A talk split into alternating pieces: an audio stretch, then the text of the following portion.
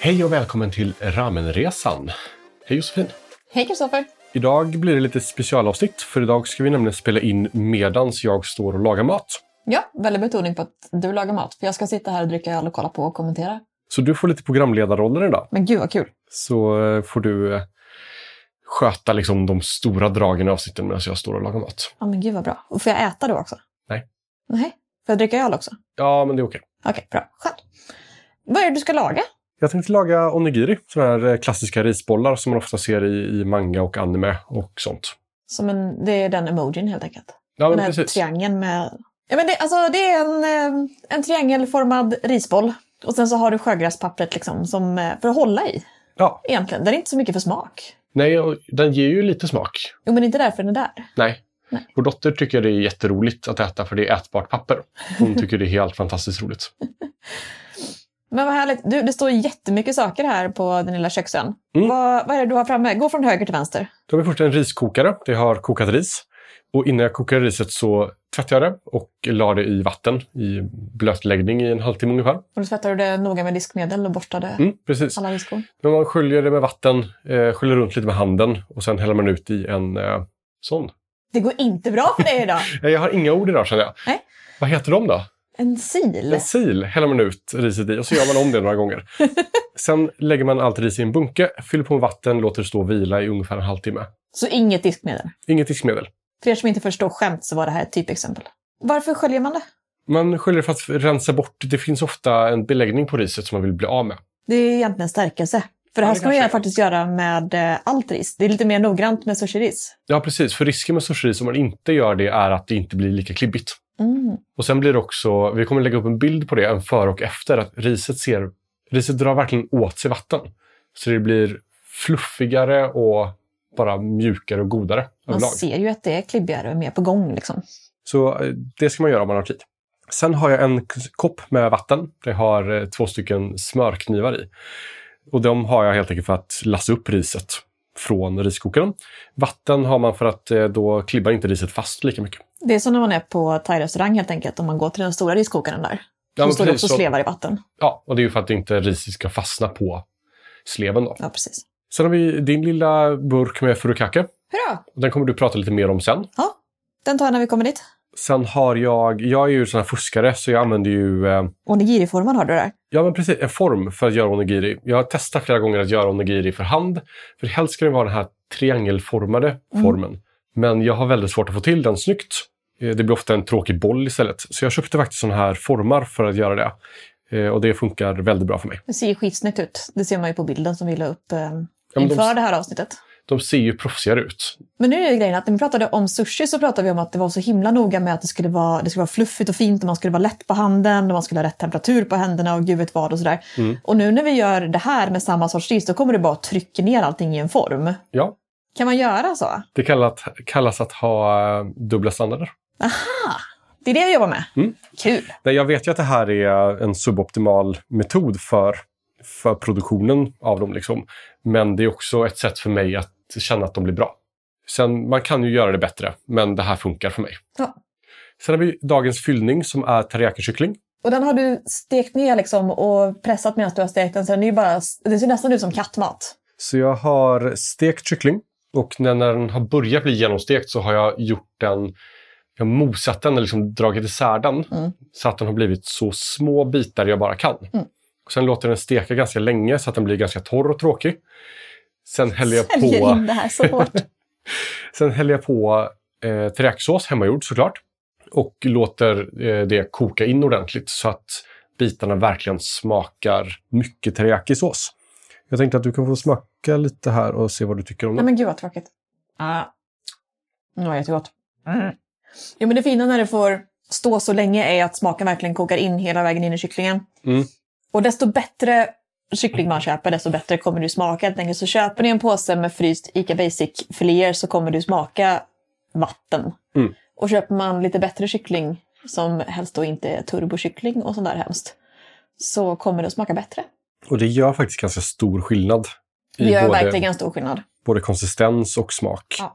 Och man måste såklart inte ha kyckling i. Nej, det finns ju mängder av eh, roliga ingredienser och fyllningar man kan ha i. Vad s- hittar vi att den, den mest klassiska är väl inlagd eller saltad plommon, va? Pickled plum. Ume, Ja, men heter det på precis. japanska. Det, det låter inte jättegott. Vi har inte provat dem än. Nej, vi har nästan bara gjort med lax och kyckling. Mm. Vi provade inte det i Japan heller vad jag minns. Nej, det tror jag inte. Eller, jag smakade bara på din onigiri eh, och åt inte så mycket där. Du åt jättemycket onigiri när vi var i Japan. Jag åt ju det till frukost framförallt. Ja, och jag tyckte att det var den sämsta frukosten jag hört om i hela mitt liv. En av anledningarna till att jag gör eh, onigiri just nu är för att jag ska ta med mig som frukost till jobbet imorgon. Det är otroligt konstigt. Du får gärna göra något mig, men som mellanmål istället. För det tycker jag är mycket bättre. Men vi ska ju ha, eh, eller vi, vi ska ha, jag ska ha en eh, gäst här imorgon, inte till podden utan till mig, som är vegetarian. Är det vanligt med vegetariska fyllningar? Ja, men det är det väl. Som sagt, plommon är ju den vanligaste. Och sen kan vi göra med tofu och... Så man kan ju ha i nästan vad man vill. Ja. Så det är ju bara det man tror passar med ris. Alltså egentligen kan man ju tänka, vad, vad är min favorit eh, sushi skulle man kunna tänka. Man kan ju göra sushifyllning, det måste ju inte vara det här matiga. Nej. Så, alltså, eller matiga är fel att säga, men alltså, vi pratade om kyckling och lax förut och tofu kan ju också vara lite matigare men man skulle ju kunna göra någon avokadofyllning eller sådär. Ja, men det tror jag absolut. Jag tror att man kan improvisera ganska mycket. Det Här. tror jag med. Sen är det väldigt lätt att hitta de här listorna som finns på ja, men de tio vanligaste eller tio populäraste i Japan och sådär. Då kan man utgå ifrån dem om man vill. Och sen ska man alltid kolla in min favoritkokbok som heter Just One Cookbook. Som är, det är en japansk kvinna som gör det.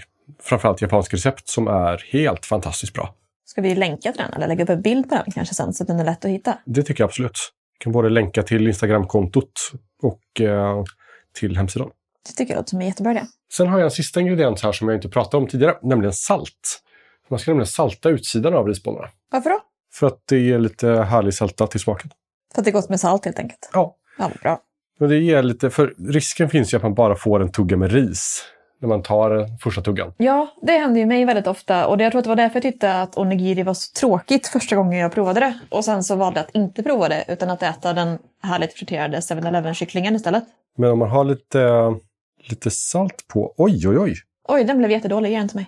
det var första gången som en eh, onigiri fullständigt faller samman för mig. Och så gjorde du det i podden. Gud vad pinsamt för dig. Men det är ju hela grejen med podden, att man ska lära Att du sig. ska göra bort dig och jag får kolla på.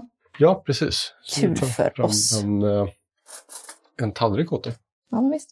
Eh, Medan du räddar den så kan jag bara snabbt uppdatera hur det går för eh, min kimchi, för det går ju väldigt fort. Mm, eller Men- hur? Ja, det går ju också jättedåligt. När vi ändå håller på att misslyckas här. Jag var nere i källaren och kollade till den inför att eh, provsmaka lite och sådär. Och det var mögel på hela. I, I båda burkarna. Jag hade två burkar som egentligen var likadana men jag hade delat upp dem. Nej, det var smockat mögel. Det var inte alls roligt. Vet du varför? Nej, jag fattar inte. Antagligen så har väl mjölksyrning inte blivit som den skulle bli. Jag funderar på om det kanske var för mycket luft i behållarna, att det bara ska vara lagom med luft inom citationstecken. Så om någon eh, som lyssnar på det här vet eh, varför min mjölksyrning har gått fel så kommentera gärna det någonstans eller skicka oss ett PM eller vad som helst. Röksignaler, vad ni vill. Tala om för mig varför det blev fel så att jag kan göra rätt nästa gång. Nu så ska du sätta igång din andra omgång här som ska bli bättre än den första tänker vi. Ja, precis. Kan inte du berätta medan du gör hur du gör den? Det kan jag göra. För först har du tagit ena halvan av din form. Ja, precis. Eh, Den eh, formen som är ett hål i, så att säga. Ja, precis. Inte locket, utan formen. Och sen fyller jag ungefär halva den med ris. Och sen gör jag en liten, litet hål i riset i mitten. Och det hålet är till för att jag ska... Så jag pressar liksom ut riset mot sidorna. Eh, Och där i lägger jag sen själva fyllningen. Hål tror jag är fel, men en grop. För att du måste ju ha ris i botten fortfarande. Ja, men precis. En grop är bättre. För jag pressar ju även riset nedåt liksom, så att det finns ris som omsluter åt alla håll. Precis. Och när jag har gjort det så plockar jag med ätpinnar, för det tycker jag är enklare. Den här kycklingen. Och så börjar jag lägga i den i det här lilla hålet och se till att kycklingen hamnar så centralt som möjligt i, i eh, risbollen. Och man måste ju inte vara prätt och göra det med pinnar, för jag tycker att det ser ut att vara smidigare med en tesked. Jag har testat det och jag tycker man blir mindre exakt med det. Vilket gör att kycklingen ofta hamnar långt ut i kanterna och läcker igenom. Det känns som att du har konstig finmotorik bara. Mm, så kan det vara. Eh, Men jag testar lite olika och jag tycker att pinnar faktiskt är, eh, är enklast. Mm, Okej. Om du säger det så. Sen när jag har fyllt de här, man ska gärna ta lite mer än vad man tänker är lagom, för att det blir gott med mycket innehåll. Det är alltid gott med mycket fyllning. Så fyller jag på med ytterligare ris ovanpå. Tillbaka till riskokaren, okidoki. Och då fyller du upp ända upp till kanterna. Ja, precis. Sen gör jag faktiskt så att jag saltar ena sidan av onegirin i formen, den sidan som syns. Mhm.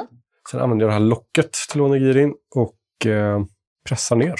Så att den, riset pressas ihop liksom och skapar en triangel. Och sen hoppas vi att eh, det funkar bättre den här gången så att inte den här risbollen också faller sönder. För i så fall är det någonting som gått fel i processen. Och sen tippar du ut dem på en tallrik bara och så har du som en liten plupp att trycka på. Och då åkte de ut och var jättesnygga. Jag tror att jag, när jag pressade i luften förut, eller jag Mm. höll upp formen och pressade, så blev det någonting som blev konstigt. Att jag kanske tryckte in de här knapparna som finns på baksidan eller så. Eller om du hade fyllningen för långt ut i kanten, för då brukar de brytas i två också. Ja, precis. Så Det är håller inte riset ihop kanten liksom. uppenbarligen någonting som inte funkade där som det skulle. Mm. Nu tänkte jag att du ska få prata lite om furikake, för nästa jag ska göra ska jag göra med furikake-blandning. Vad är skillnaden då när du har i furikake-blandningen innan jag börjar blabbla? Det innebär att jag först lägger över riset jag ska ha i en liten annan skål. Sen häller jag på furikake på den, i skålen, och blandar runt det i riset. Hur mycket har du ungefär? Det ser ut som en rågad tesked, Något sånt skulle jag vilja säkert. säga. Sen använde jag en, min andra smörkniv, för jag hade ju två, att eh, blanda omkring det här så att furikaken blir utblandat i riset.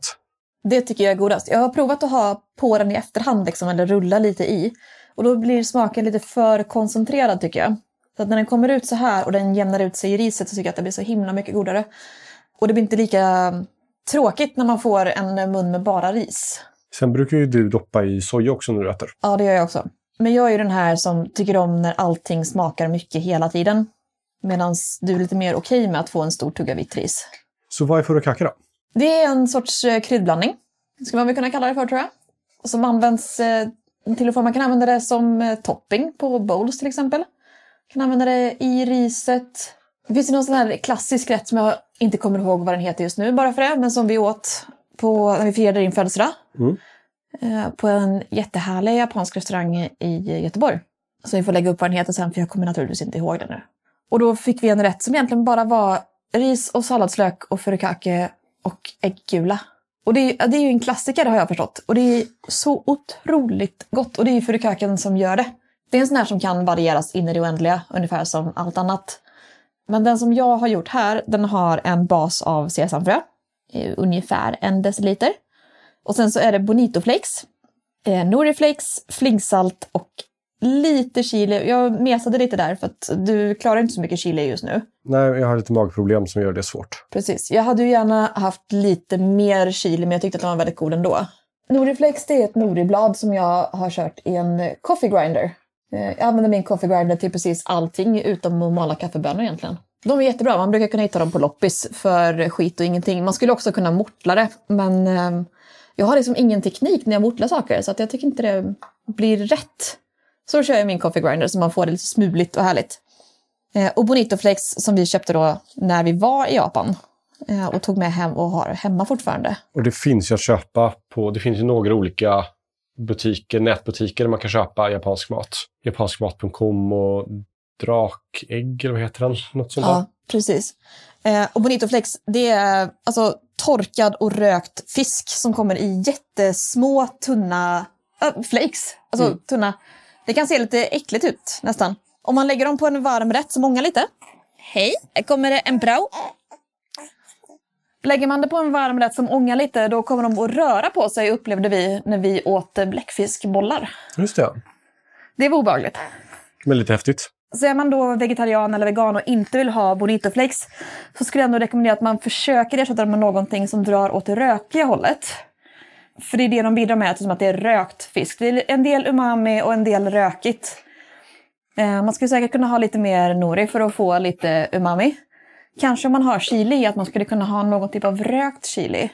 Tror jag skulle kunna funka, för det... Den vill i alla fall jag gärna ha. Du kan säkert utesluta den om du inte gillar rökt smak.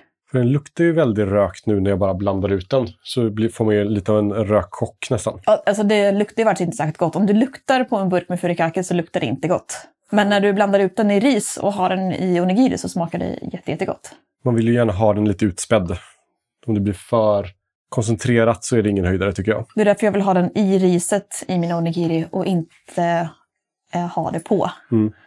Och sen då som sagt tycker jag om att droppa några droppar med eh, soja på. Vilket gör det lite mindre bilkörarvänligt för min del. Annars har vi experimenterat fram att det här är ett jättebra bilsnacks.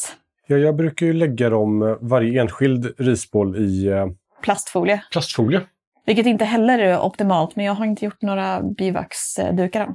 Nej, vi försöker hitta bra lösningar. För man vill ju hålla eh, riset Du blött. vill separera liksom. dem helt enkelt. Och så vill du hålla det fuktigt i. Du kan inte bara lägga dem i en burk för då slås de sönder. Lägger du flera i en burk så slås de ihop och så blir de en klump. Så då har vi slagit in dem i dagsläget i plastfolie. Sen har Mm. vi tagit med oss färdigklippta noriblad. Precis. Så plockar man ut den i plastfolien och sätter på eh, noribladet då. För du vill ju inte ha det här stora arket som man köper utan du vill ju ha de här små. Vi klippa till en liten rektangel så det ser snyggt ut. Och jag har också märkt, jag, om man inte bär med sig noribladet på ett ordentligt sätt så blir det mm, lite blött och fuktigt och nästan gummiaktigt. Om man ska lägga på det precis när man ska äta. I Japan har de ju sådana smarta förpackningar att de har... Eh, onigirin är ju inslagen i plast på ett sätt som inkluderar noripappret Mhm. fast med ett lager plast emellan. Så man det är så plockar, jäkla smart! när man plockar bort pla- plasten i rätt ordning så släpper man loss norin så att den nuddar riset liksom och så Ja. är den färdig. Man blir nästan lite glad i själen när man öppnar japanska förpackningar ibland för de är så förbannat smarta. Ja, sen blir man ju lite ledsen för att det går åt väldigt mycket plast. Ja, det gör det. Allting är ju inslaget i plast där tyvärr. Ja, tyvärr. Men det är väldigt smarta förpackningar. Om man ska använda plast ska man använda det så. Ja. För det är väldigt smart gjort. Nu har du gjort en hel liten hög där. Ja, nu är jag uppe i två, fyra, fem, snart sju stycken. Och så Perfekt. en då som gick sönder. Sen använder jag ju sagt min egen teriyakisås. Eh, Kommer du ihåg vad som ingår i en teriyakisås, Josef? Det är väl de här fem ingredienserna. Ja. Det är alla fem va? ja. Men det är väl så med japanska såser att det är olika varianter av alla de fem. Det är mest proportionerna som är Jag tror det Oh, det. viktiga. Många såser innehåller ju- eller det är mycket teriyaki-varianter liksom. Mm. Det är ju det är inte lika delar är det ju inte. I teriyakisås, Ja. Eller är det det är, allting är lika delar förutom en sak. Allting är redan en sak och då säger jag vatten. Vatten är med. Ja, men är det den som inte är lika delar? Ja, nej, nej, nej. nej. Socker. Ja, det stämmer. Så alla vätskor är lika mycket och sen har man socker som är hälften av det. Och vad är då de fem ingredienserna man har i? Det är vatten, socker, soja, mirin och sake. Ja, det stämmer bra. Du hade inte ens någon fusklapp. Nej, det hade jag faktiskt inte. Och sen kokar man bara det tills, eh, ja, så länge man vill och vågar. Jo, men det beror på. Vill du ha en lite rinnigare sås behöver du inte koka så länge. Vill du ha en eh, tjock och gojsig och god sås så kokar man det längre så det kokar ihop. Liksom. Ja, jag brukar koka ner ungefär hälften av vätskan tror jag. Ja. Tills man får en konsistens som man trivs med. Ja. Och sen som man så här, har steker kyckling i och grejer, då så kokar man ju ner det ännu mer så det blir ännu segare. Så att då kan man ju ha den lite lösare egentligen. Nu är jag färdig med, med risbollarna. Jaha, men det är ju kyckling kvar. Ja, men det, det kan vi äta som den är. Det är ju ris kvar. Men inte till en hel risboll. Nej. Du kan äta det som en, eh, en liten ristallrik med kyckling. Så. Är det här min kvällsmat alltså? Jag tror det. Gud vad trevligt. Din kvällsmat och min frukost. Det ser ut att vara ganska lagom till lite mellanmål både till eh, mig och dottern och frukost till dig. Ska vi eh, langa iväg en, eh, en avslutande japansk eh, veckans ord också? Innan vi avrundar. Ja, det kan vi göra. Det är ju det som jag har sett att vi ska göra. Ja, nu har vi inte förberett någonting. Men jag Ja, men tänkte... jag kan en. Du kan det? Mm. Okaike. Och kaike. Ja, Okaike och negaishimas. det stämmer bra. Det var faktiskt en jag tänkte på också. Och det betyder Det betyder räkningen tack. mm, notan tack eller Ja, räkningen tack. notan tack. Räkn- ja, precis. Notan tack säger man ju. Inte räkningen tack. Men man vill betala helt enkelt. Och då i Japan när det kommer till restauranger så brukar man bara ropa rakt ut. Alla ropar. När man kommer in på en restaurang så ropar alla hej. När man lämnar restaurangen så ropar alla hej då. Och om man behöver hjälp så ropar man hjälp mig eller ursäkta. Och när man ska betala så ropar man okaika onegaishimasu. Vilket inte känns så karaktäristiskt egentligen. Nej, men Men de bara det, bryter allting när de går och äter. det är väldigt gapigt på rätt sätt i eh, restauranger. Det är I Japan. hemtrevligt gapigt. Det är väldigt kul när man kommer in i en restaurang och alla i personalen skriker "Irashaimase." Det är nästa veckas ord. Ja, precis. Liten teaser. Det är ju också att vi har eh, okeike som veckans ord på en mat som man mest köper på 7-Eleven. Ja, Du köper ju nästan aldrig det här på restaurang. nej, det skulle jag nog inte säga. Jag tror inte som jag får det som förrätt eller så, utan det är nog... Nej, jag tror inte vi såg det på någon meny. Alltså inte som så här snacks eller alltså, sidorätt eller någonting, utan det här är på språngmat. Och det är ju en stor del i bento, Ja, precis. att, i matlådor helt enkelt. Ja. Eh, Att man får med sig det till frukost eller mellanmål eller lunch i matlådor när man går till skolan som barn eller... Och ett samurajsnacks. Just det, För samurajer hade med sig onigiri i små bambubehållare. Och då hade de gärna picklade plommon eller någonting salt och inlagt då i de här så de skulle kunna ta med sig det långt. Vet du hur man ser vad som, eh, vilken fyllning man har då, i en eh, onigiri? Man skriver en liten lapp. Nej, man Nej. lägger ofta en liten del av fyllningen ovanpå, på toppen. Och det är nästan som att skriva en liten lapp. Mm. Fast mindre, mitt är mindre kladdigt. Och har man, Jag skulle ser kunna man, tipsa dem om att skriva små lappar. men eh, ofta så har man en liten, liten, typ en kycklingbit Mhm. på toppen. Eh, Eller en liten, liten plommonbit, eller en liten laxbit. Så att man ser vad det är för smak på dem. Fy vad gulligt. Det är Jättefint. Men eh, andra fyllningar som vi kan tipsa om lite snabbt då. Mm. Teriyaki-lax. Egentligen precis samma sak som du har gjort i en kyckling nu. Ja. Man steker ner den tills den blir som smuling och har i. Eh, tonfisk, vanlig tonfisk på burk. Just det. Kan man blanda med lite majonnäs. Eh, tycker man att det är gott så kan man blanda i lite, om man vill ha chilipulver, sambal, din favoritstarka sås. Så spicy tuna är ju en stor favorit. Mm. Också en väldigt vanlig. Man Vi kan har inte ha- lyckats testa göra den än, men vi, det står ju på schemat. det är för att vi alltid glömmer att köpa majonnäs. Ja. Eh, man kan lägga in ett eh, sojamarinerat ägg. Vi har gjort sojamarinerade ägg, men vi har inte lagt in dem i, eh, har vi i inte onigiri. testat. har vi Nej. inte gjort. Vill man ha vegetariskt så är kimchi-fyllning ganska vanligt. Det blir ju veganskt också, om Mm. man vill ha det. Om det inte är möglat. Om det inte är möglat. Det är fortfarande veganskt om det är möglat. Ja, det förstås. Det är bara inte gott. Tofu med någon typ av sås. Alltså teriyaki där också, för Mm. det är så gott med teriyaki. Eh, ost är faktiskt ganska vanligt också. Mhm. Det känns inte jättetippat i landen av, landet av laktosintoleranta. Men det är ganska vanligt förekommande. Mm. Det är en av de här topp 10-fyllningarna som jag hittade när jag googlade inför avsnittet. Det har jag faktiskt inte testat alls. Nej, inte jag heller. Vi får hitta en bra ost. Ja, men ska vi eh, säga så? Ja, då är vi klara för idag. Och då säger Kaikon vi och gaishimas! matane. Matane!